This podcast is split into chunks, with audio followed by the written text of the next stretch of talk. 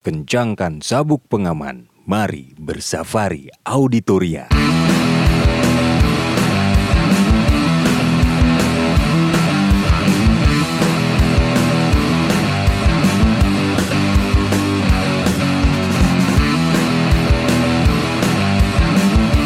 halo, selamat malam. Kita jumpa lagi di podcast Safari Auditoria yang kesekian kalinya. Malam ini saya ketemu sama teman saya. Saya sih kebetulan baru kenal banget.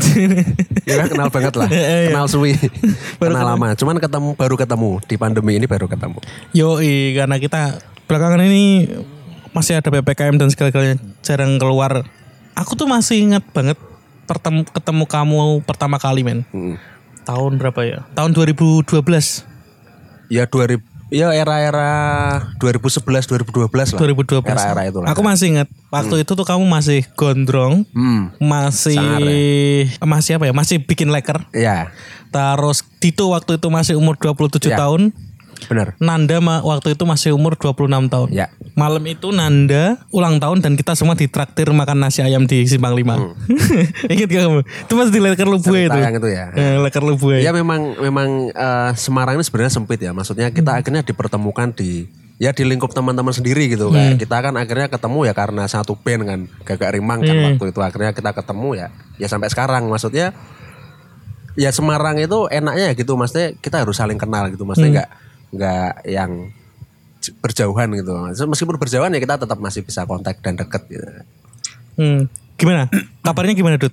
Eh, kalau kabar eh, puji Tuhan baik ya Hmm. hari ini masih baik ya meskipun bulan Juni bulan Juni saya lulus SKOF sarjana COVID Juni saya Juni kena istirahat total 15 hari terus ya sudah sampai sekarang kemarin sih baru vaksin kedua Masih kemeng-kemeng ya? masih tangan kirinya masih kemeng ini Naik COVID tuh gimana tuh? Maksudnya anu nih COVID ya gejalanya ya gejalanya. Kamu yang kamu rasain gimana? ya karena saya bukan penganut Jerings ya Oh, iya. karena saya bukan Jerings eh, bukan outsider ya jadi saya memang memang akhirnya percaya ketika saya kena kena covid gitu dan akhirnya merasakan bahwa covid itu sebenarnya ada maksudnya ini saya juga nggak dibayar sama pihak mana pun ya maksudnya ini cerita real aja ya maksudnya ya Cara endorse ya? Bukan bukan endorse bukan endorse. Saya bukan endorse pemerintah saya orang dari kolektif saya orang dari komunitas. Jadi ngomong apa adanya. Ada ada. Ada covid man covid itu ada. Jadi waktu itu saya memang eh, kena. Ya kena. Maksudnya gejalanya gejala yang yang cukup cukup lumayan lah. Tapi untungnya saya dari perca eh, dari pernafasan nggak kena. Cuman anosmia nggak bisa cium bau nggak bisa merasakan. Badan lemes makan itu rasanya apa pun tuh nggak enak gitu. Yang awalnya saya suka mie ayam itu pun ya ya rasanya nggak kayak mie ayam gitu loh. Ya maksudnya kita memang memang akhirnya di- dibikin virus itu kayak kita nggak doyan apa-apa gitu. loh. Sebulan itu ya? Itu eh, total saya 15 hari. 15 hari ya? 15 hari hari ke-16-nya baru negatif. Anosmianya? Anosmianya sampai hampir sebulan. Sebulanan ya? Hampir sebulan. Anosmia hampir sebulan. Langsung ngambu apa Nggak ya? bisa bawa apa-apa itu. Ngeri. Terus sekarang menjadi bapak. Gimana kesulitan nggak membagi waktunya? eh kalau ngomongin akhirnya dari kita bujang ya, kita bujang, kita masih bisa nongkrong sana sini, kita masih bisa eh, create something, kita bikin sesuatu ya akhirnya eh, keputusan itu yang yang akhirnya menjawab kita untuk untuk lebih dewasa gitu, untuk untuk menjadi eh, kepala keluarga. Ya kalau ngomongin keluarga ya asik, maksudnya eh saya kadang merasa menyesal gitu kenapa nggak nggak nikah dari dulu gitu. Nikah kapan sih men? Lupa aku. Aku nikah 2018. Wah, aku teko ya kondangan. Datang 2018. Oh iya. 2018. Neng sing cedak apa? Di Pedurungan, di Manuga Kolam renang tuh ya, kolam renang. di Oh, Jati, iya. bener. 2018 saya memutuskan untuk menikah, sekarang sudah punya eh, anak satu gitu. Gimana? Bicara apa kabar? Eh, anak sih baik, anak istri baik di rumah, meskipun ya waktu itu juga kena juga. Hmm. Kena kan juga kalau anak kan eh, kondisinya nggak nggak separah kayak orang dewasa kalau terdampak covid gitu. Terus kamu belakangan ini kan punya tak lihatin selain punya ya, hobi sepedaan. Ya, Kamu selain belakangan ini punya hobi itu ngefoto ngefoto bak truk. ngefoto bak truk ya. Kenapa?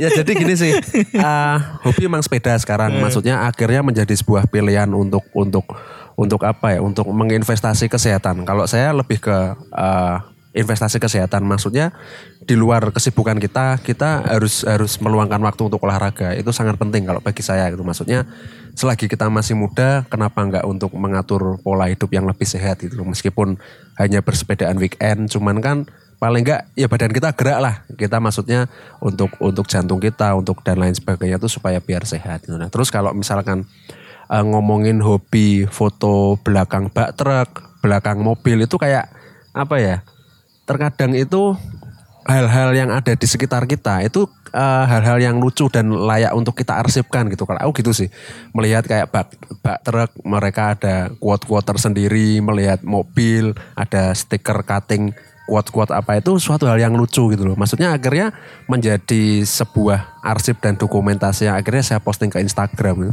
orang suka nggak suka ya ya udah. Maksudnya ya itu hal yang yang yang apa ya yang bagi kita tuh sebuah hal yang apa ya yang menghibur gitu kayak kayak di sela-sela kita Instagraman dengan konten-konten yang lainnya hanya hanya memposting foto paras ganteng dan paras cantik ya ya saya lebih beda aja sih posting-posting uh, bokong truk. Lebih ke Apa kan? Ada kata-kata yang paling ber- berkesan ya? kalau berkesan sih semuanya berkesan. Oh iya. semuanya berkesan. Berkesannya lagi adalah ketika kita mengejar truk itu nggak kesampaian. Maksudnya kan kita naik saya naik motor gitu kadang naik naik mobil juga kan pas waktu kerja atau pas waktu waktu ke mana lah pergi sama anak istri terkadang ketika sudah dapat wah itu itu ada quotes bagus nih. Ketika kita kejar itu nggak nggak dapat itu rasanya kayak aduh kapan ya bisa ketemu itu lagi karena kayak, ngomongin sebuah ide sih kalau nggak segera kita simpan kan hilang gitu loh ya momen itu ya ketika saya dapat momen bagus ya segera saya foto meskipun hasilnya agak ngeblur atau gimana lah gitu Oh iya tadi perihal kayak ide itu. Mhm. Kebiasaan kamu masih kamu bawa nggak yang bawa kertas itu terus nanti kamu coret-coret kalau Kalau ide itu? waktu itu handphone saya masih masih apa ya? Masih dengan kapasitas penyimpan memori yang nggak banyak ya. Maksudnya sekarang kan handphone sudah kita beli harga nggak harus di angka puluhan juta kan. Maksudnya sekarang sudah bisa eh, apa ya menyimpan data yang lebih banyak. Sekarang saya masih menggunakan handphone sih. Masih menggunakan handphone sebagai apa ya? Sebagai ya media apa pun sih, media pengarsipan foto, terus media kita bikin apa pun itu ide-ide ya. Ya masih saya catat di di notes sih. Oh di notes di gitu. notes Wah, sih banyak di banget notes sih. Nah, banyak banget. Maksudnya ya apa pun itu ide-ide. Wong kadang ide itu kalau saya tuh lebih banyak muncul di jalan sih.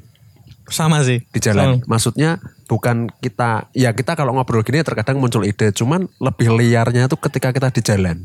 Maksudnya banyak pemantik-pemantik yang yang terkadang itu kita nggak nggak bisa tahu gitu loh maksudnya ngelihat apa kadang ngelihat bentuk apa kadang ngelihat teks apa pun itu meskipun singkat tuh akhirnya bisa menjadi ide yang yang wah gitu loh yang yang menarik gitu Apa yang eh, ide yang kamu dapat dari jalan akhirnya tercetus itu? Yang paling deket ini apa? Kalau ngomongin ide sih, kalau saya lebih lebih apa ya, lebih banyak merespon ruang publik sih. Kayak misalkan eh bak truk misalkan, Hmm. bak truk itu sebenarnya bisa jadi sebuah iklan loh. Kalau kita ngomongin eh, transportasi online misalkan, banyak kan mereka pasang iklan di kaca belakang. Eh, Angkot-angkot gitu ya? Oh, bukan angkot, lebih ke transportasi online, yang mobil misalkan. Oh iya. Kan banyak-banyak iklan kan, yang dia pakai pakai eh, produk lain diiklankan di itu misalkan dalam jangka sebulan bayar berapa. Lah kenapa ti- tidak lewat bak truk?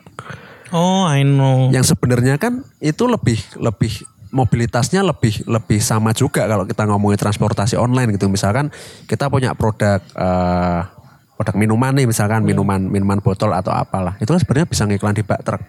Mereka malah bisa sampai luar kota loh. Mm-mm. Ya, Tapi itu gitu- mungkin gitu kelas C kali ya? kalau ngomongin kelasnya sih kalau konsumsi publik sih kita nggak nggak nggak bisa mengetahui itu kelas A, B, C atau D ya. Karena kalau kita ngomongin di jalan kan pasti ya dari lingkup uh, golongan A, B, C sampai D kan mobilitasnya di jalan semua gitu. Tapi kalau truk kan lewatnya pinggir kota. Satu pinggir kota. Sekarang akses tol lebih gampang loh. Oh iya heading ya. Semarang Jakarta pun sekarang ada tol. Semarang ke Surabaya pun ada tol. Ya kayak itu kayak gitu maksudnya akhirnya tercetus bahwa bak truk ini sebenarnya bisa jadi potensi untuk kita ngiklanin sesuatu gitu loh. Ya lebih ke ngerespon-respon kayak gitulah kalau ide-ide lebih kayak gitu. Selain tadi kan ya berarti hobi, Hobi eh, sepeda. Hmm. sepeda dan itu. Kakak cruiser gimana kakak cruiser? Kakak cruiser sekarang eh, nggak ada regenerasinya. ya itu itu dulu tercetus ya dari teman-teman juga kan ada Mada ada Kevin ada Anto Owi yang akhirnya kru- eh, kakak cruiser itu dulu eh, ya kita kita basicnya sih anak-anak tongkrongan ya. Cuman akhirnya menjadi sebuah sebuah sebuah lifestyle gitu. Lifestyle yang ketika kita nggak mainan cruiser ya ya kita nggak nggak nggak bisa ketemu gitu. Akhirnya jadi ajang kumpul sih waktu itu. Cuman kan karena eh, makin ke sini makin ke sini juga eh, kita melihat regenerasi Semarang itu sebenarnya kayak kayak apa ya? Kayak nggak banyak gitu loh di apa pun itu sih kalau kita ngelihat dari segi skena sih kalau kita ngomongin cruiser board kita ngomongin band-bandan misalkan kita ngomongin musik terus kita ngomongin eh, skateboard itu maksudnya akhirnya yang masih bisa bertahan ya yang mereka yang akhirnya hobi itu menjadi sebuah pekerjaan gitu loh. Kayak misalkan eh, si A ini suka sama musik. Dia punya band ya akhirnya dia selain selain bekerja untuk menghidupi dirinya sendiri dan keluarganya dia sendiri juga itu menjadi sebuah hobi yang masih dia pegang pegang teguh gitu loh. Kayak kalau ngomongin kurser waktu itu kan ya kita have aja kita mainan dan akhirnya sebenarnya itu masih bisa jadi komunitas yang sangat sangat berpotensi di Semarang. Wong itu cuman kita main main istilahnya mengayun eh, papan yang itu bisa dimainkan di aspal kan. Beda kayak skateboard. Kayak skateboard kan ngomongin Kecil ya, wheels no- bannya kan memang nggak nggak support untuk jalanan aspal gitu. Ya selama ini ya vakum sih. Maksudnya akunnya masih ada cuman memang sebenarnya kalau kita kumpulin lagi bisa. Kita kumpulin lagi bisa. Cuman memang regenerasinya nggak ada Apa biar tagline-nya? Seniman kudu sehat sih. seniman kudu sehat. Ah, 99 persen apa ya? 90 90 persen eh 90 90 99 persen nekat satu persen olahraga kayaknya. Gitu? Kan kayaknya itu kayaknya tagline-nya itu. Kakak cruiser. Oh satu persen skill 99 persen pemberani. 2015 itu. Kita 2015 ya? 2015 masih rame sih dulu ada Oi ada Anto Owi ada Daivak yang sekarang di Jogja. Deva bukan di Solo. Oh Devak di Solo ya? Iya kuliah di Solo Terus ada banyak sih Ada Gor, Batagor Ada Paul ini sekarang yang Dia main graffiti juga eh Di skin hop juga sekarang Ya banyak lah maksudnya Ya akhirnya Oh Paul itu itu ya? Paul. Apa? Yang rambutnya konro itu. Eh, Nah itu Apa namanya nama panggungnya lupa aku. Nama panggungnya Luseta Luseta, Luseta ya Luseta Itu dari teman-teman juga sih Maksudnya Ya aku dan ya kita pun bersyukur kalau kalau kita akhirnya saling kenal, kita akhirnya sampai detik ini pun juga masih bisa support itu sebuah sesuatu hal yang yang istimewa gitu loh. Maksudnya kita kan kalau ngomongin hidup itu kan ya selain kita kita apa ya kita tanggung jawab dengan diri kita ya kita kalau bisa mencari networking sebanyak-banyaknya gitu sih kalau aku.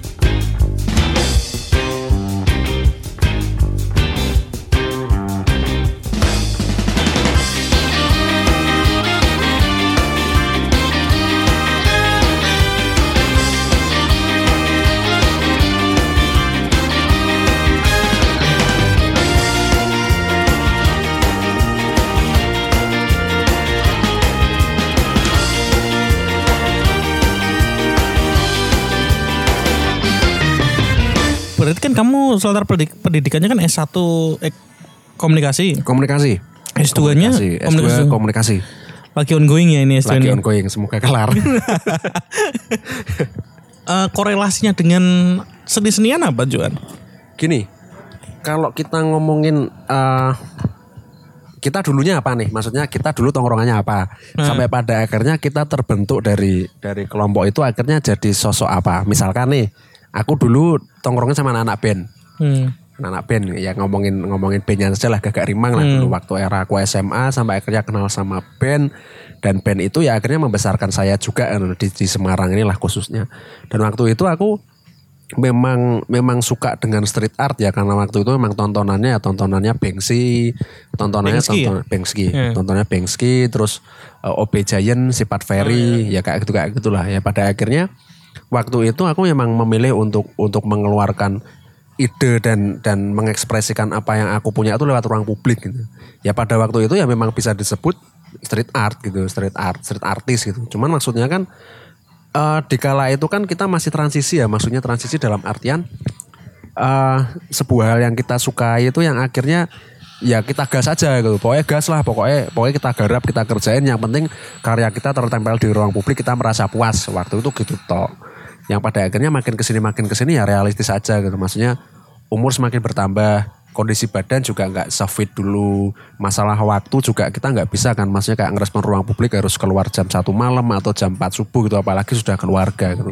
Ya maksudnya menilai eh, menilai kilas balik ya akhirnya hanya sebagai cerita gitu. Maksudnya cerita itu juga akhirnya bisa menjadi sebuah bekal kita untuk sampai sampai detik ini gitu maksudnya kita ya masih punya teman-teman yang dulu awalnya kita dari situ sampai akhirnya kita sekarang sudah punya keluarga masing-masing kita udah jauh dari dari kota kota kita juga gitu ya akhirnya menjadi sebuah sebuah cerita aja sih maksudnya nggak yang sam- saya bawa sampai ke sini gitu loh. Kamu dulu sempat bikin lokal ya? Lokal magazine tuh? Gini, kalau ngomongin korelasi, korelasinya dengan pendidikan adalah aku memang memang memang eh, personalnya sih memang suka ekstrovert istilahnya. Oh iya. Nah, suka ketemu banyak orang, suka ngobrol yang pada akhirnya eh, setelah kelar SMA saya memutuskan untuk ambil komunikasi. Karena menurutku itu jurusan yang yang sangat aku banget. Bukan karena paksaan orang tua, karena memang aku melihat ilmu komunikasi adalah sebagai eh, pendidikan yang aku banget gitu loh. Maksudnya nanti akan ada ke ranah media, ada ranah ke broadcasting, ada ranah ke fotografi, ada ranah ke videografi gitu. Udah semua ya itu Ya, ya? maksudnya aku banget itu. Iya. Ya pada akhirnya ya ya banyak tersentuh sih kayak ya tadi yang disebutin aku bikin eh, majalah Lokal ya? namanya Lokal Magazine waktu itu eh, sempat, jalan setahun lah. Eh, tujuh edisi kalau nggak salah. Cetak ya itu ya? Cetak cetak ukuran A5 sama teman-teman ada Agus, ada Afra, ada Imam, Oh. terus ada Afra sekarang di media gede Kuko. kayaknya ya? Afra di Jakarta sekarang. Jakarta ya? Di Jakarta. Oh, waktu Imam di Suara Merdeka. Imam di Suara Merdeka Oh, iya. freelance juga. Ya kayak gitu kayak gitulah maksudnya. Ya akhirnya sel- selain saya men- menempuh menempuh jalur jalur perkuliahannya menuntut ilmu ya akhirnya bikin-bikin proyek kayak gitu kayak sempat juga sama Mas Garna bikin Semarang on Fire sama Mada juga. Maksudnya ya akhirnya apa yang kita lakukan di jenjang pendidikan itu akhirnya kepake gitu loh. Meskipun itu hanya hanya hanya sesaat kalau saya Iya. ngomong ya. Maksudnya akhirnya nggak nggak continue. Maksudnya ya jadi cerita aja sih. Fun aja sih. Maksudnya dulu itu aku nggak pernah kepikiran kayak oh ini harus harus bertahan lama wah ini harus anu ya. Enggak sih. Maksudnya ya fun. Hmm, Termasuk yang kemarin juga kerja di broadcasting juga kan ya? Di Trax juga. ya sempat kerja di radio juga. Ya akhirnya ya ya puas gitu loh. Maksudnya seneng aja ketika hal yang kita suka itu akhirnya akhirnya bisa jadi sebuah sebuah cerita dan jadi sebuah pekerjaan gitu Terus kita balik lagi ke tadi yang street art tadi ya. Mhm. Terus street art itu kan suka nggak suka itu kan diidentikan dengan vandalisme. Yes. Kalau kamu sendiri tuh memandang vandalisme tuh dulu tuh kayak gimana sih? Lah gini, eh, sebenarnya kalau kita ngomongin konteks street art ya, khususnya di Semarang sih. Maksudnya saya menilai di Semarang aja ya karena kita domisili di Semarang. Jadi kalau ngomongin street art itu memang memang eh, pembagiannya banyak banget. Hmm. Ada stiker slab, ada weight paste yang dari kertas eh, fotokopian itu, terus ada stensil yang kita bikin cetakan terus dipilok, ada graffiti, ada mural banyak lah. Maksudnya banyak banyak yang bisa di dieksplor lah dari kalau kita ngomongin street art. Terus kalau ngomongin ngomongin vandal itu sebenarnya ya vandal kan sebenarnya kalau dalam arti besarnya itu kan pengerusakan ya kayak kita merusak fasilitas apa pun itu ya. Kalau kita ngomongin ekspresi anak muda ya kita emang nggak bisa ngebatasi sih. Misalkan nih di Semarang ada ada banyak street art street artis ini. Dia mau ngeres, ngerespon bis dia mau ngerespon uh, traffic light dia mau ngerespon apa ya itu ekspresi mereka gitu tapi kalau saya menilai ya benar atau salahnya ya itu sah sah aja gitu. Maksudnya itu sebuah sebuah apa ya sebuah ekspresi lah. Maksudnya ekspresi anak muda itu memang kalau kita ngomongin fase-fase anak muda kuliah SMA kuliah itu kan pasti menggebu-gebunya ya ketika aku bisa mencapai uh, sesuatu itu ya itu hal yang yang istimewa buat aku value buat aku gitu. Eksistensi lah ya. eksistensi waktu eksistensi. Maksudnya nggak nggak nggak nggak bikin karya yang bagus yang penting aku bikin nickname apa aku bikin di situ ya udah puas gitu kayak gitu sih esensinya. Lah ma- malah sebenarnya yang lebih vandal lagi ya kalau kita ngomongin coret-coret SMA itu malah sebenarnya esensi vandal seperti itu. Maksudnya kalau kita ngomongin ranah graffiti tagging itu kan maksudnya masih punya eh, esensi seni lah. Maksudnya dia masih bikin font dia masih niat lah. Maksudnya nggak nggak sekedar jerit-jerit coret. Misalkan x berapa x berapa atau gambar kemaluan laki-laki ya kayak gitulah Dan pesan propaganda juga ya. Nah, kalau kita ngomongin ruang publik juga ya sebenarnya ruang publik ini ya bebas diakses siapa pun sih. Wong kita kalau ngomongin iklan-iklan perusahaan pun juga yang dari poster itu kan juga banyak banget dan itu menurutku juga merusak pemandangan juga. Cuman kalahnya kan uh, mereka bayar kita enggak. Oh, gitu. Mereka punya power kita nggak punya power. Mereka lewat birokrasi kita nggak lewat birokrasi. Kayak gitu sih. Hmm. Ya menanggapi street art ya ya itu fase sih. Maksudnya ya fase anak muda lah yang yang mereka mencari jati dirinya. Padahal jati diri ya di situ Di sini dekat sini ya. di dekat sini stadion. Kita lagi take podcast di Sampangan ini di Kofnes. itu sih. Eh, terus apa waktu itu first impression kamu dengan street art pertama kali? First, first impression ya. Kalau ngomongin first impression itu waktu itu ya sama yang saya obrolin tadi ya. Ya kepuasan tersendiri sih. Kepuasan tersendiri. Tapi waktu itu aku masih bisa merespon isu. Kayak misalkan ki eh, waktu itu eh, koruptor si Nasarudin. Hmm. Nasarudin ya akhirnya aku bikin kepalanya dia dengan dengan badannya dia sosok sosok eh, sosok eh, anjing gitu. Ini ini ngomong apa adanya aja ya. Kepala kepalanya Nasarudin, Nasarudin, badannya anjing. Ketika itu aku respon N Asurudin, Nasurudin itu. Asunya aku gedein. Ya kayak ngerespon-respon kayak gitu lah maksudnya masih masih ngerespon isu yang ada. Ya im- fir- first impressionnya ya banyak sih kayak ketangkap Pernah? pernah? Pernah pernah. Terus gimana negosiasinya kalau kayak gitu? kalau ngomongin negosiasi pinter-pinternya kita. Lah makanya kalau kita kita kita berani untuk muncul ke jalan ya kita harus berani menerima resiko gitu. Kayak waktu itu aku lagi ngerespon gitu terus ada nyamperin eh mas nopo ki? Eh mas kenapa nih? Lagi gambar pak. Ini gambarnya toh pak kalau misalkan besok jelek besok saya hapus ya udah mereka pergi ya tinggal kita pintar nego aja lah Oh, maksudnya gitu. kan ketika kita didatangi kita takut malah malah mereka akan semakin semakin semakin menjadi itu bahwa kita merasa salah gitu. Sebenarnya kalau kalau konsekuensinya kita ngerespon ruang publik ya kita santai aja. Kita jelaskan apa, apa adanya aja. Kalau misalkan dia nyuruh hapus ya ya ngomong aja ya Pak nanti saya hapus. Mereka pergi ya kita nggak usah hapus. Kucing-kucingan aja sih. Oh gitu ya. Nah, kalau first impressionnya ya, ya asik lah. Pokoknya kalau kita punya sesuatu apa pun itu kita respon ke ruang publik itu istimewa. Tapi waktu itu Semua orang bisa lihat gitu. oh, waktu itu pernah lu ya? Udah pernah maksudnya sampai ditahan gitu enggak, Bro? Nggak pernah. Nggak pernah ya? Nggak pernah. Teman sih ada di sampai di eh, di apa ya kalau ngomongin masuk ke polisi cuman nggak ditahan tapi hanya didata gitu. Minta keterangan aja. Ya, kayak gitu aja sih.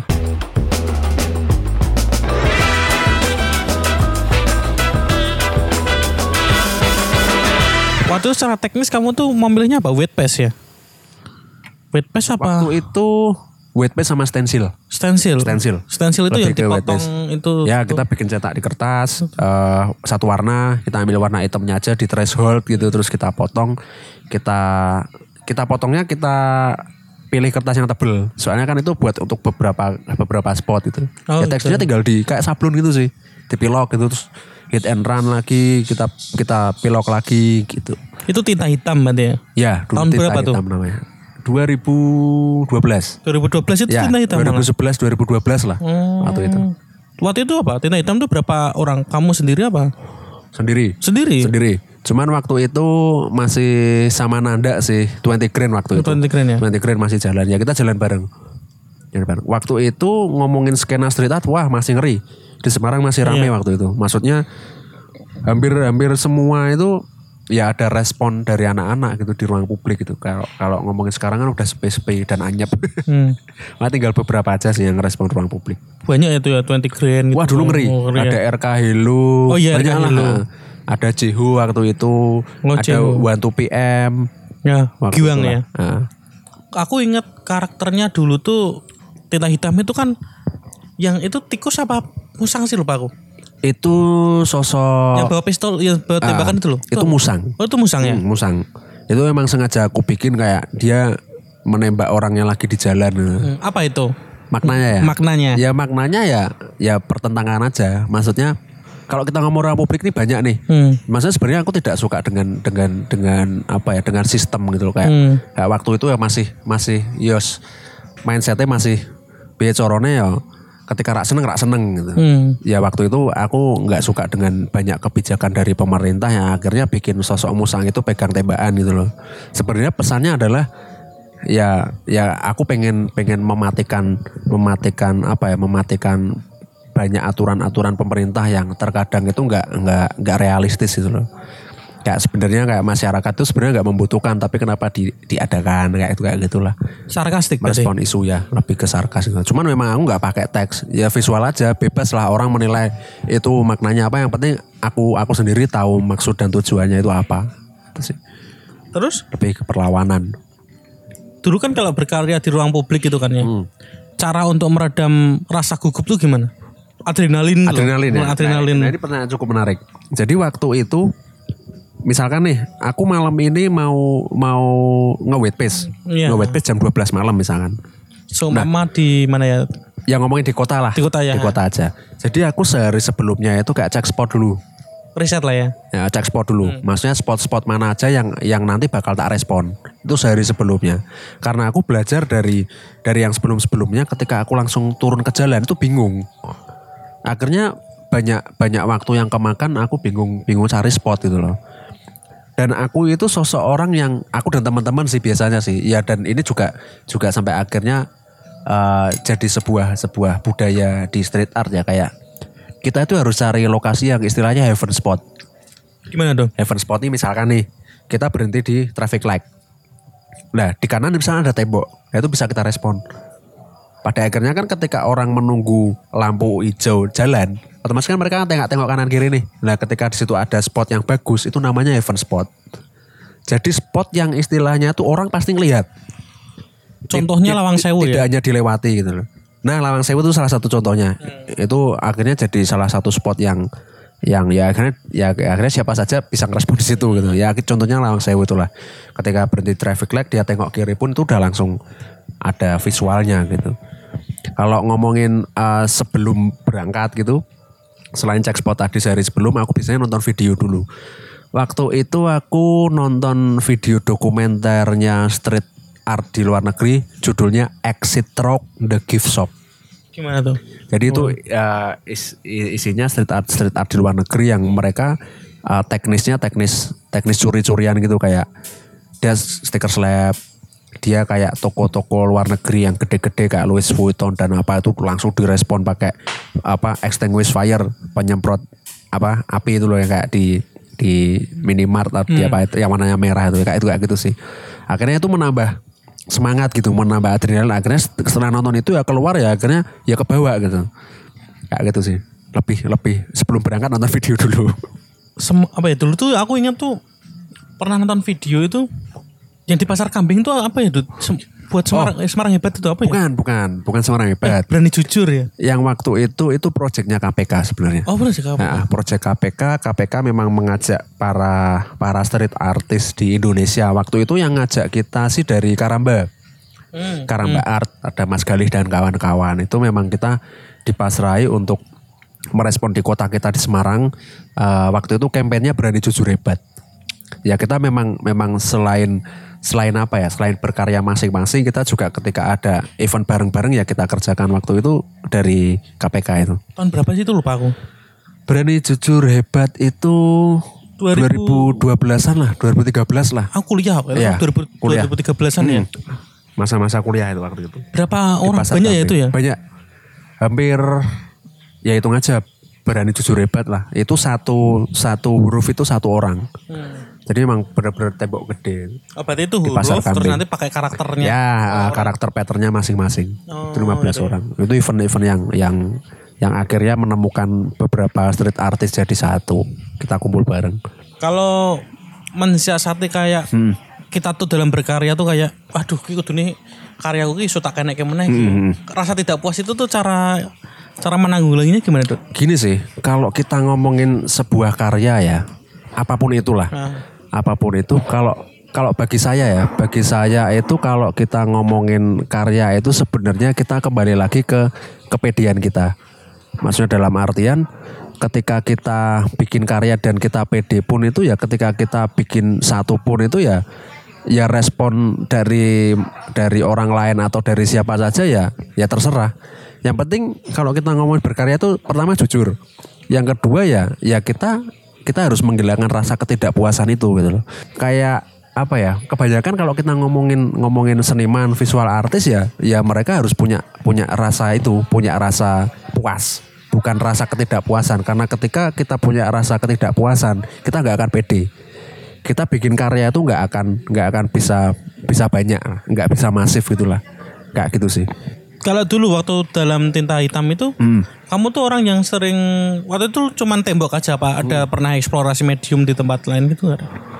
waktu itu pernah eh, exhibition sama teman-teman waktu itu yang inisiasi Indra Untuk siapa? Indra Indra keponakanku yang dulu ikut gagak rimang juga itu loh. Oh iya iya. Nah itu dulu dia kuliah di STIAK di daerah Stadion Diponegoro. Hmm. Waktu itu aku inget bikin exhibition namanya Tanda Mata. Hmm. Tanda Mata itu 2000 berapa ya?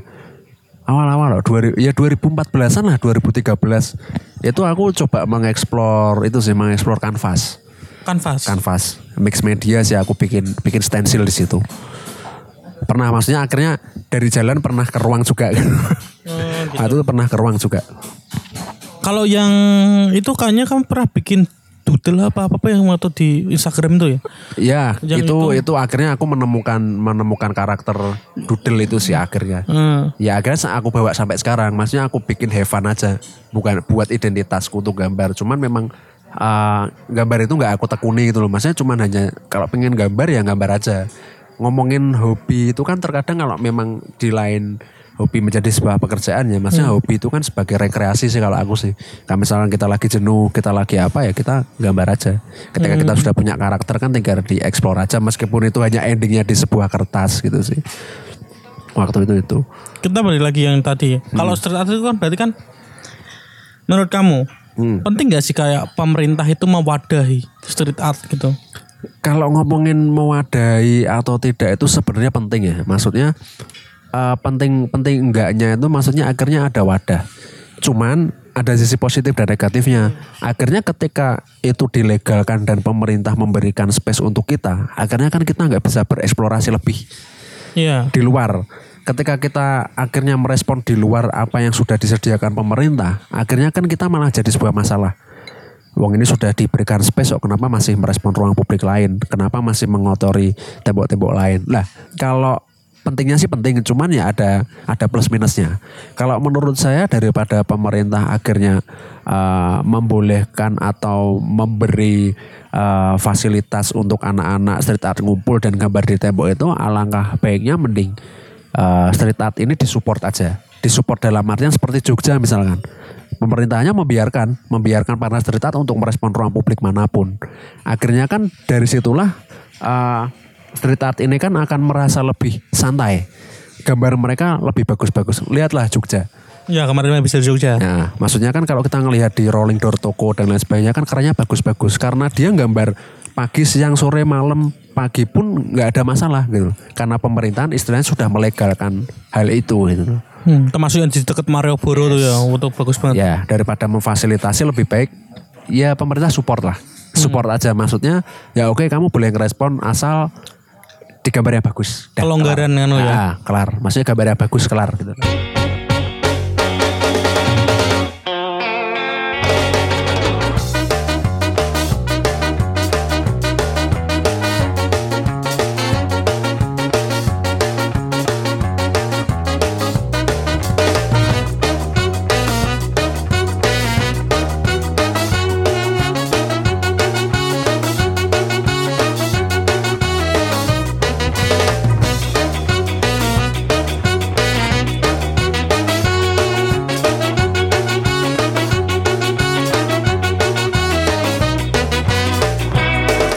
Bikin propaganda ayo Semarang kotor itu kapan tuh?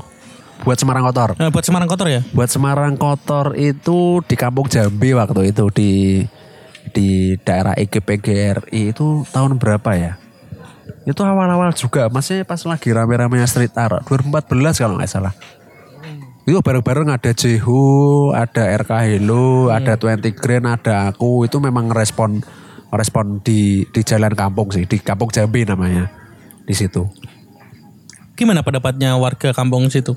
Santai sih. Maksudnya eh, mereka lebih seneng ketika karya itu sudah jadi. Itu izin berarti ya? Itu izin kebetulan di Kampung Jambi itu aku kenal sama namanya waktu itu di situ ada ada dulu ruang pamer space art space namanya eh, rumah seni yaitu itu yang punya Pak Tubagus namanya Tubagus Suara Jati sampai sekarang ya beliau masih masih apa ya masih masih di ranah seni juga sih. Dan waktu itu si tangan kanannya Pak Bagus itu namanya Aris Mas Aris. Dia julukannya namanya biasanya panggilnya dulu Aris ya itu. Ya akhirnya nego ngobrol ya akhirnya bikin aja di situ. Dan kebetulan banyak teman-teman juga di tinggal di kampung Jambi itu. Jadi ya ya tanggapan mereka positif sih. Tanggapan mereka satu positif. Yang kedua ya ya akhirnya dengan dengan visual itu kampungnya menjadi menjadi menjadi lebih berwarna gitu tidak monoton yang sebelumnya hanya coret-coretan STM. STM gitu X berapa dan apa gitu Di, di salah satu interview kan kamu bilang bahwa di Semarang itu masih rendah dengan uh, kesadaran akan apresiasi. gitu. nah benar Itu gimana? Bisa dijelasin nggak? gini eh ya sampai hari ini ya sampai hari ini maksudnya saya mengamati dari dulu yang saya berkecimpung di komunitas yang sampai akhirnya eh bikin usaha yang sampai akhirnya kerja juga yang sampai akhirnya memutuskan untuk berkeluarga ya ya kamu bisa mengamati lah maksudnya ini kita share aja Eh di Semarang itu daya untuk apresiasinya itu masih sangat kurang dan rendah gitu maksudnya dalam artian ketika teman kita bikin event yang datang siapa Temennya sendiri. Nah, contohnya seperti itu. Maksudnya gini loh, kayak Semarang itu eh treatmentnya itu sedikit susah kayak misalkan bikin apa pun itu yang datang teman-teman sendiri gitu loh. Ya maksudnya sampai sekarang pun belum ada yang melakukan riset ya meskipun latar belakangnya tidak semua akademisi ya. Maksudnya kan kita juga perlu riset kenapa nih kalau kita bikin event itu selalu yang datang itu itu aja gitu. Nggak pernah ada regenerasi yang muncul. Anak baru lah terutama yang pada akhirnya berpeng- berpengaruh ke semuanya. Kalau kita ngomongin visual artis ya akhirnya itu itu aja meskipun ada regenerasi Iya. cuma tidak banyak. Kita ngomongin musik ya itu itu aja. Iya. meskipun ada regenerasi tapi ya sedikit. Maksudnya kenapa nggak seperti uh, kota-kota lain yang akhirnya ketika ada sebuah pergerakan itu menjadi menjadi uh, acuan anak-anak lain untuk bikin itu gitu loh. Ya kayak gitu sih. Maksudnya dari itu itu yang pertama. Yang kedua ketika kita misalkan nih ada si A bikin art merchandise gitu ya akhirnya yang beli teman-teman juga gitu loh. Maksudnya dari value sebuah karya itu mereka belum bisa menilai bahwa proses sebuah karya ini mahal. Misalkan kalau kalau ada band Semarang bikin EP bikin mini album atau bikin album ya pasti ada costnya dong ada cost produksinya dong. Dia harus beli senar gitar dia harus beli efek dia harus recording dia harus mixing mastering itu mahal loh. Yang akhirnya jadi sebuah karya CD misalkan. Nah CD itu pun akhirnya ya ya mereka cetak sedikit dan malah yang apresiasi itu orang dari luar Semarang. Ya kayak gitulah maksudnya cerita cerita cerita yang sampai saat ini masih saya resahkan ya seperti itu gitu loh. Ini analisa gembel ya. gitu. Ya analisa gembel. Analisa gembel. hmm, Menurut kamu solusinya apa? Menurutku solusinya kita harus mensiasati. Kita harus harus cari akar permasalahannya ini apa. Apakah kita kurang ada kedekatan dengan anak-anak baru? Apakah mereka memandang kita ini sebuah eh, to- eh, orang-orang yang senior? Kita kan nggak tahu. Iya ya. Nah, kena eh, Berarti hal yang kamu lakukan dulu di lokal menurutku salah satu salah satu cara pendekatan ya, sebenarnya. itu kan kamu lempar ke SMA SMA ya, kan ya. anak-anak SMA yang akhirnya mereka jadi jadi apa ya jadi jadi loyal pembacanya kita Oh gitu. waktu itu Ah, kita ambil contoh gini lah misalkan kayak acara yang diinisiasi rokok misalkan itu Ya. kan pasti yang datang banyak Hmm. karena mereka mendatangkan artis dari luar meskipun itu ada ah, opening act-nya Dari sini lah dari lokal. sini lokalan cuman ya akhirnya ditunggu-tunggu dari luar dan itu pun orang-orang masyarakat secara luas datang ke situ semua. Beda dengan kita create something yang indie banget, yang kolektif banget. Ya, yang datang ya teman-teman aja. Ya ada regenerasi meskipun sedikit lah. Ya maksudnya itu belum belum akhirnya belum terpecahkan sampai sekarang gitu loh. Berarti penting untuk membuat diskursus kita Ya, lah ya. ya dan kita pun juga nggak munafik. Kota ini juga butuh re- butuh regenerasi gitu loh. Maksudnya ya selain yang seniman-seniman atau atau uh, pegiat kreatif lainnya ya, kenapa enggak kita punya regenerasi lain yang nantinya bisa meneruskan perjalanan ini. Kita kamu kan tadi sempat menyinggung usaha. Berarti itu kan Prigel Galeri ya. Hmm. 2013. Kalau Prigel Galeri itu secara spesifik itu apa Hmm. berarti? Eh, clothing store Uh, clothing store Atau dan galeri seni? Nah, jadi gini, atau perpaduan keduanya? Yes. Kalau kita ngomongin nama kan pasti esensi orangnya galeri ini kan sebuah ruang pamer. Iya. Sebuah ruang yang mendisplay sesuatu.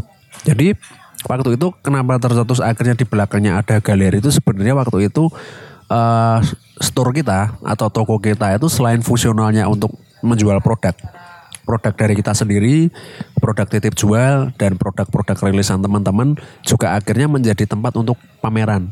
Pertama pameran, yang kedua juga bikin eh, live session. Oh iya. Waktu itu ada figura Renata, ada Legit, Oh, terus ya. sempat ada si Voice Commander juga. Terus kemarin pernah ya? Voice Commander, pameran juga pernah ada Mas Isrol dari Jogja, Media legal. media legal, terus ada dari Ulir Handmade, istrinya Mas Isrol juga waktu itu bikin rajut, ya kayak gitulah. Maksudnya fungsinya ya kita sebagai wadah sebenarnya selain kita bikin uh, merchandising, nah, jual produk juga sebagai alternatif space. Itu sih. Itu masih jalan gak sih yang yang apa? Live musik gitu. Aku sempat terlibat kan itu yang ya si Figura Renata. legit sama figura Renata ya. Nah, itu nggak jalan. Kalau ngomongin masih jalannya kita welcome sebenarnya. Kita welcome untuk siapa saja. Cuman karena kita lokasinya ada di halaman kos, Oh, kita iya. kan pasti harus cari waktu dan timing yang tepat gitu karena karena kita nggak mau kalau kita ngeganggu itu kak. Dulu waktu itu pernah ada teman-teman eh, eksperimental lah musik-musik noise itu dari Malaysia.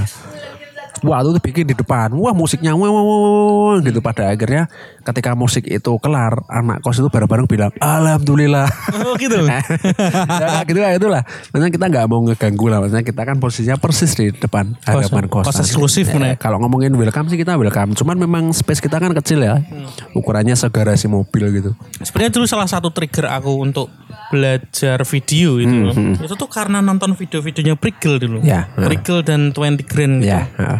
Nggak tahu kenapa ya suka aja sama term- Ya. cara pengambilannya, terus Yes. color gradingnya, terus ringan tapi Yes. itu kayak gampang punya apa ya? value gitu ya Heeh, gitu Nah. loh.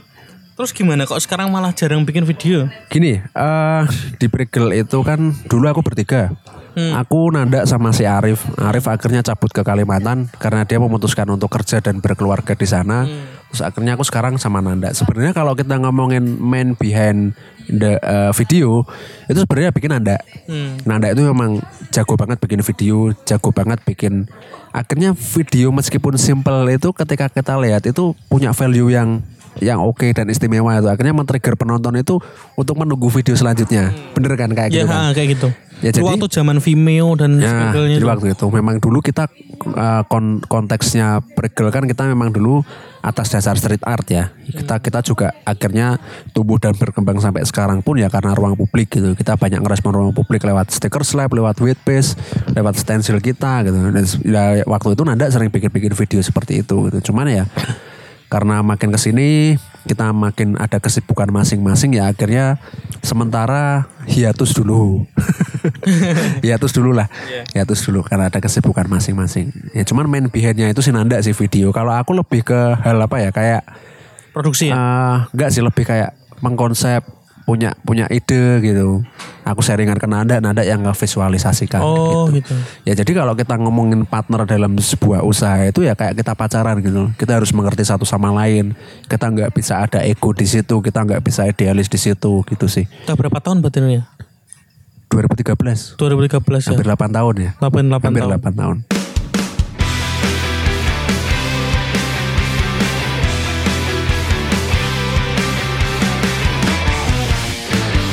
Kayak membranding Prigel dengan video itu Yes. sengaja nggak sih maksudnya apa itu ngalir aja waktu itu waktu itu memang akhirnya jadi sebuah kontennya kita gitu. Ya apa pun ketika punya value untuk dibikin video kita bikin video kayak kita bikin video produk. Cuman hanya kita uh, stiker slap ya kita bikin video. Kita misalkan ada temen dari luar kota ke sini misalkan The Popo. Ya, Waktu Popo. itu main uh, dia ada undangan jadi pembicara di di Universitas Diponegoro. Terus akhirnya oh iya datang aku tuh. Eh, akhirnya calling dan mampir. Akhirnya dia pengen cari alpukat waktu itu di daerah Ambarawa ya kita cari. Kita carikan dan kita bikin video juga. Itu yang dapat itu ya apa truk alpukat yang nganter truk di Ya, alpukat, jenderal alpukat. Jenderal alpukat Eh, ya. alpukatnya ada jenderal alpukatnya ya waktu itu nyari sih karena waktu itu Popo sempat penasaran karena kalau ngomongin alpukat terbesar di dunia itu adanya di daerah Ambarawa. Oh iya tuh. Namanya alpukat Winda itu satu buahnya bisa sampai 2 kilo dua kilo ini tidak semongko Ya, Sak sat- semu- satu buahnya Oh. alpukatnya. Cuman waktu itu ke sana ada tanamannya ada, cuman itu memang harus pesen. oh gitu Harus pesen karena gini, kalau kamu misalkan mau beli alpukat, mending beli satu kilo isi banyak atas satu kilo satu buah. oh gitu Nah, ya Se- sebenarnya berdua ya, akhirnya pedagang realistis, mereka lebih lebih menanam alpukat yang yang istilahnya akhirnya panennya banyak daripada panennya sedikit dan gede-gede itu orang banyak yang nggak mau. Kayak kayak kita lihat demandnya lah permintaannya dari pembeli seperti apa ya akhirnya alpukat itu ya jadi alpukat yang harus pesan dulu kalau mau beli gitu. terus untuk menurutmu Hmm. kanu kan sebagai pelaku brand gitu kan ya kalau bikin brand itu Hmm. sempurna dulu atau yang penting jalan dulu lah baru sempurna belakangan gitu Gini, kalau kita ngomongin apa pun yang akan kita bikin ya, yang pertama itu komitmen dulu.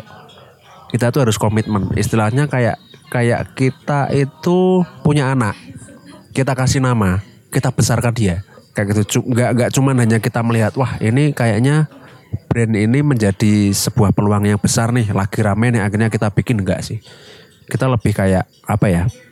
kita punya ide, kita tumbuh dari komunitas, kita akhirnya bisa memberikan wadah untuk teman-teman lainnya, akhirnya bikin store dan kita beri nama dan kita besarkan dia gitu.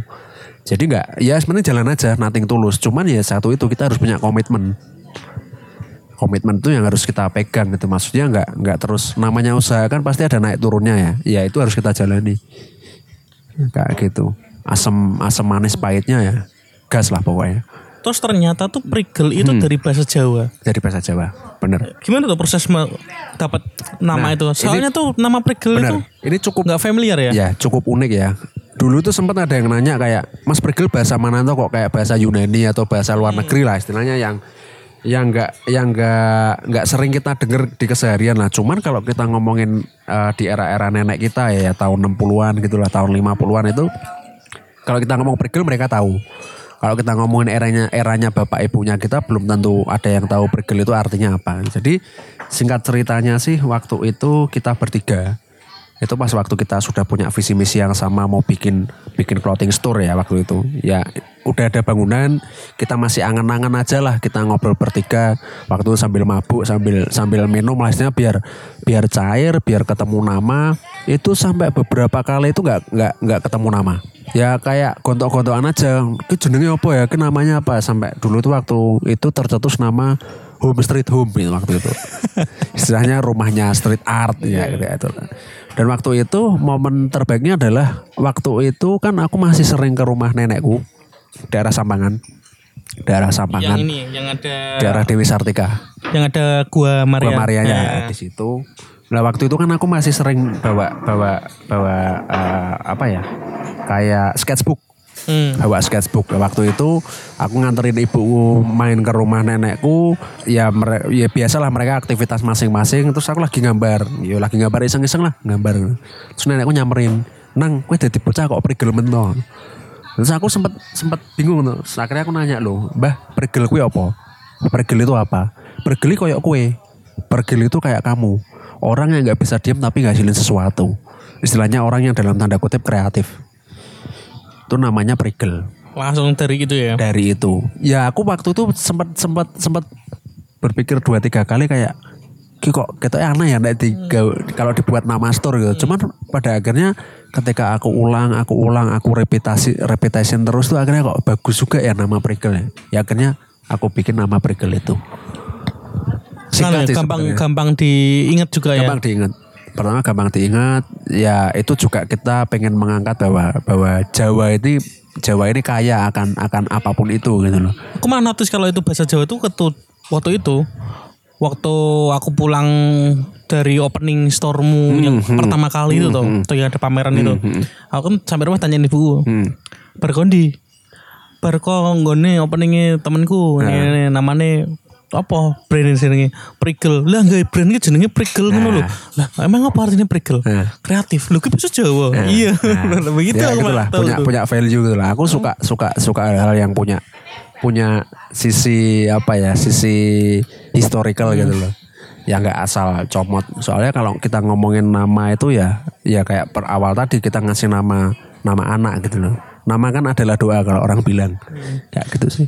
Terus kalau influence Prigel itu ada nggak sih secara secara brand itu? kalau ngomongin influence itu pasti ya. Maksudnya kan di dunia ini aku yakin nggak ada yang original kita bikin sendiri tanpa kita melihat melihat referensi dari luar ya ya kalau kita ngomongin influence atau hal yang akhirnya akhirnya eh, memotivasi kita untuk bikin ini ya waktu itu aku suka sama si OP OP Giant OP ya? Giant OP Giant enggak di luar itu banyak lah kayak ada lagi juga itu eh, The Hundreds Bobby The Hundreds itu yang The Hundreds yang bom itu yang ah, bom ya. The Hundreds Terus banyak lah kayak Only NY, Only New York kayak gitu itulah.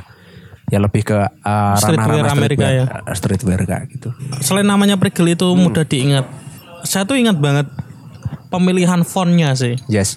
Itu pakai bebas New You ya. Hmm, hmm, hmm. Sampai aku tuh kayak pas dulu seneng-seneng desain itu Iya. ketika tahu font bebas New You itu kan sempat ngetren tuh kan. Pakai fontnya Prigel itu Nah. sampai identik seperti Hmm, itu. Nah itu pe- pemilihannya itu gimana waktu itu? Kalau ngomongin pemilihan, historinya lebih ke Nanda ya. Nanda yang tahu ya. Maksudnya kan dia memang basicnya kan juga anak desain juga kan. Dia yang lebih tahu. Pada akhirnya gini kok. Kalau kita punya sebuah brand yang sudah punya value atau yang istilahnya orang banyak itu sudah tahu akan akan brand kita, kita kasih kasih font apa pun itu mereka akan ke notice kok. Meskipun nih Prigel akhirnya kita ganti Times New Roman atau Arial, ya akhirnya ya sah-sah aja bahwa itu Prigel gitu loh. Ya memang yang yang yang agak susah dari sebuah brand itu ya kita harus konsisten dulu logo itu gitu loh. Kayak kita ngomong, kita pengennya sih gini sih kalau kita ngomongin brand Semarang ya, ya Prigel. gitu. Kalau kita ngomongin pompa air ya Sanyo gitu. Kalau kita ngomongin mie instan Indomie. Kalau kita ngomongin sepeda motor Honda. Kalau Ya. minuman Marimas. Minuman mari mas. aqua, aqua. Oh, Aqua, Aqua, Ungaran. Aqua. Kemarin-kemarin selain aku, ya tadi yang sempat disinggung, aku terlibat uh, di live musik ini terjadi terakhir ini kan aku juga terlibat di project yang paling ini kan yang kolaborasi Santi Karisma Yes. Aziz Sama Santi Karisma, yes. Nah itu apa? Bisa diceritain tuh gimana? Kok bisa tercetus project itu? Gini gimana? sih, kalau ngomongin uh, project itu kan sebenarnya ya kita sama-sama Semarang gitu loh. Kalau kita ngomongin tidak ada saling support kan nggak ada sesuatu yang yang unik gitu. Nggak ada sesuatu yang ya kita sama-sama Semarang ya harus support gitu. Lebih ke apa ya? Lebih ke ya kita harus menghidupkan ekosistem ini sih. Maksudnya dalam artian kolaborasi itu bagi saya penting meskipun skalanya lokal gitu loh. Sebenarnya sesimpel itu sih dan yang kedua pun juga kalau kita ngomongin kolaborasi antar antar eh, lintas disiplin itu sesuatu hal yang unik gitu loh apalagi kalau kita ngomongin sebuah brand akhirnya kolaborasi dengan desainer, akhirnya kolaborasi dengan fotografer, akhirnya kolaborasi dengan band. Ini kan sebuah hal yang yang unik gitu loh. Banyak banyak kolaborasinya akhirnya outputnya hanya jadi satu. Kayak gitu sih. Yang yang pada akhirnya kan hanya merespon sebuah lagu yang akhirnya menjadi sebuah project yang yang unik. Kalau pemilihan kolaborator apa? Basic basis pemilihannya, pertimbangannya maksudnya. Kalau ngomongin kolaborator ya dari dulu maksudnya kayak kayak kita pernah kolaborasi dengan Andi Sueb Oh iya, dengan yang visual artis. Kita sih sebenarnya nggak muluk-muluk ya. Maksudnya kita harus harus milih yang yang si kolaborator ini harus punya follower banyak, harus punya value yang yang gede. Sebenarnya ya kita realistisnya nggak nggak se se detail itu, nggak se serumit itu. Ya maksudnya ketika kita punya visi misi yang sama kita gas gitu aja. Meskipun itu nanti di luar value ya. Hmm. Kayak gitu sih. Ya kita satu visi misi sama bikin gas gitu aja.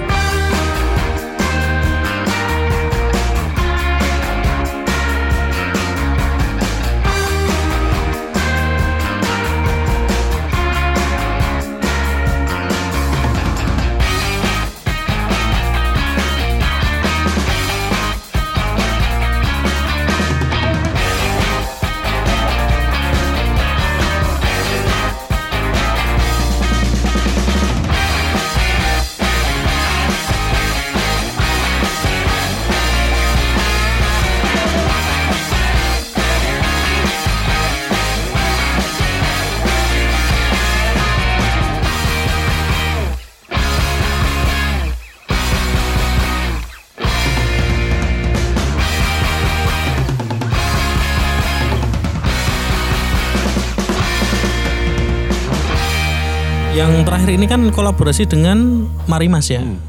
Itu gimana bisa terjadi? Itu kan ribet gak sih kolaborasi dengan Kalau ngomong brand yang gede gitu?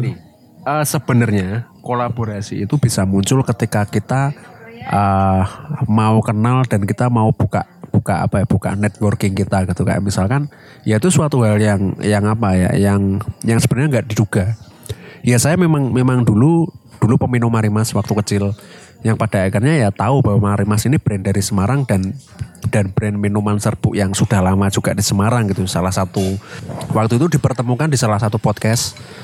Waktu Koneksi itu TV ya? Koneksi.tv Imam dan dan teman-teman eh, Mbak Sinta juga ada di situ. Waktu itu eh, Koneksi.tv bekerja sama dengan eh, Karangturi Yayasan Karangturi Sekolah Karangturi. Dan kebetulan di situ hostnya si Pak Herianto Halim Pak Herianto Halim itu si CEO-nya Marimas Oh ya. aku datang sebagai prigel narasumber. Ya kita ngobrol, kita ngobrol, kita kita akhirnya kita ngobrol di podcast. Yang akhirnya setelah podcast pun kita masih ngobrol gitu. Dan akhirnya dari obrolan podcast itu Pak Har tertarik itu tertarik adalah bahwa jiwa-jiwa militan seperti kita seperti saya ini adalah eh, potensi-potensi anak muda yang yang patut untuk diajak untuk bekerja sama kayak gitu sih. Jadi akhirnya Marimas untuk memutuskan berkolaborasi dengan dengan dengan pelaku pelaku lokal di Semarang khususnya. Itu baru pertama kali dari sejarah Marimas bikin kolaborasi. Pertama kali dengan Prigel Lalu setelah itu Hokage setelah itu dengan Hokage. Oh. ya itu maksudnya ya kayak sebuah mimpi gitu loh. Maksudnya ya memang dulu pernah mimpi kayak kayak wah enak ya kayaknya kayak kita kolaborasi dengan brand gede. Kita kolaborasi dengan apalagi brand yang sudah jalan lebih tua dari kita. Ya akhirnya kesampaian gitu loh. Ya maksudnya akhirnya aku membawa membawa membawa bahwa mimpi itu gratis ya sampai sekarang. Ya apa pun dimimpikan dulu aja lah meskipun itu tercapainya nanti. Gratis saya yang ngimpi. nggak bayar kok. Lalu respon publik gimana? Respon dengan kolaborasi ini bagus Hmm. maksudnya responnya bagus eh, secara secara event juga bagus meskipun waktu itu masih pembatasan ya waktu Iya. masih ppkm ketat-ketatnya akhirnya akhirnya ya kita bikin eventnya itu ya event event internal dan hanya mengundang beberapa media dan selebgram waktu itu ya memang akhirnya gongnya nggak nggak begitu besar cuman akhirnya animo dan dan respon dari dari banyak pihak itu memang memang banyak mengatakan hal positif di situ gitu Setidaknya itu gerbang utama lah ya. Ya, gerbang untuk utama lah. Bener, bahwa bahwa lah. bahwa kolaborasi dengan brand sesama Semarang itu bisa-bisa aja kok. Nggak nggak ada yang nggak bisa gitu loh. Sejauh ini Hmm. yang kamu jalani, eh, Prigel itu kamu jalani dengan idealisme atau around the waves? Dengan idealisme tapi yang realistis. Gimana secara operasionalnya? Secara gimana? operasional gini. eh, kita anak muda eh, khususnya di di ranah ranah kreatif ya. Kita kan harus harus create something, kita harus punya sesuatu yang baru, kita harus punya eh, hal-hal yang unik gitu istilahnya. Ya kayak idealis itu harus kita pegang. Idealis dalam artian adalah kita memilih memilih pregel ini untuk berjalan di ranah eh, streetwear misalnya. Ya kita harus pegang itu. Kita harus bikin-bikin eh, sesuatu yang tidak jauh dari situ. Realistisnya adalah ketika di luar sedang ramai apa, kita harus harus mencermati. Berarti kan ini sebuah tren yang harus kita ikuti. Ya, idealis yang realistis seperti itu. Kita punya idealis yang kita bawa. Kita Patokannya sebagai gitu ya. kita sebagai brand streetwear, Hmm. tapi kita juga harus mengamati demand permintaan pasar seperti apa. Misalkan nih lagi rame bikin logo, ya kita bikin logo aja. Logo, oh ya. Logo misalnya logo box atau Logo box. hanya font gitu aja. Kayak dulu sempet Wishback itu kan kencang banget tuh Wishback ya. Wishback. ya kayak gitulah. Maksudnya tapi kita tetap membawa Pregel itu di di di di situ gitu loh. Awalnya Hmm. Pregel di situ. Ya idealis yang realistis lah. Maksudnya kalau kita nggak punya idealis dan cuman hanya hanya jalan aja itu cukup berbahaya. Akhirnya kita nggak punya nggak punya sesuatu yang kita pegang gitu. Akhirnya gerambiang gitu Hmm. ke mana-mana. Kayak gitu sih. Ini, ini kan sekarang kita sedang ada dari pandemi. Nah, Hampir semua sektor tuh kena. yes. Nah, gimana? Pengaruhnya di Prigel tuh gimana? pengaruhnya sangat besar. Yang pada akhirnya kita memang memang sengaja untuk tutup dulu, Oh, ini tutup dulu ya. tutup dulu, tutup dulu sembari kita uh, ada sedikit renovasi. karena waktu itu sempat hujan deras dan akhirnya ada suatu hal yang harus kita benahi. Dan waktu itu juga pas awal-awal itu sangat ngeri yang akhirnya eh, penjualan turun drastis. Kita memang nggak bisa akhirnya eh, apa ya Menutup operasional ya. menutup operasional lah istilahnya gitu lah. Ya, Akhirnya kita tutup dulu.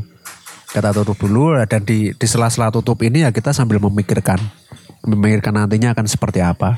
Amunisi lah istilahnya. Oh gitu. Ya, bikin amunisi lah. Ya meskipun masih ada proyek-proyek yang jalan kayak sama Marimas kayak gitu kayak gitu. Terakhir itu sama kopi itu ya.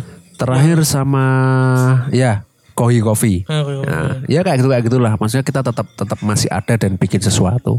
Ini kita hampir menuju ke ujung. Hmm. Jadi apa impianmu yang belum tersampai saat sampai saat ini? Ini secara pribadi sih. Secara pribadi ya.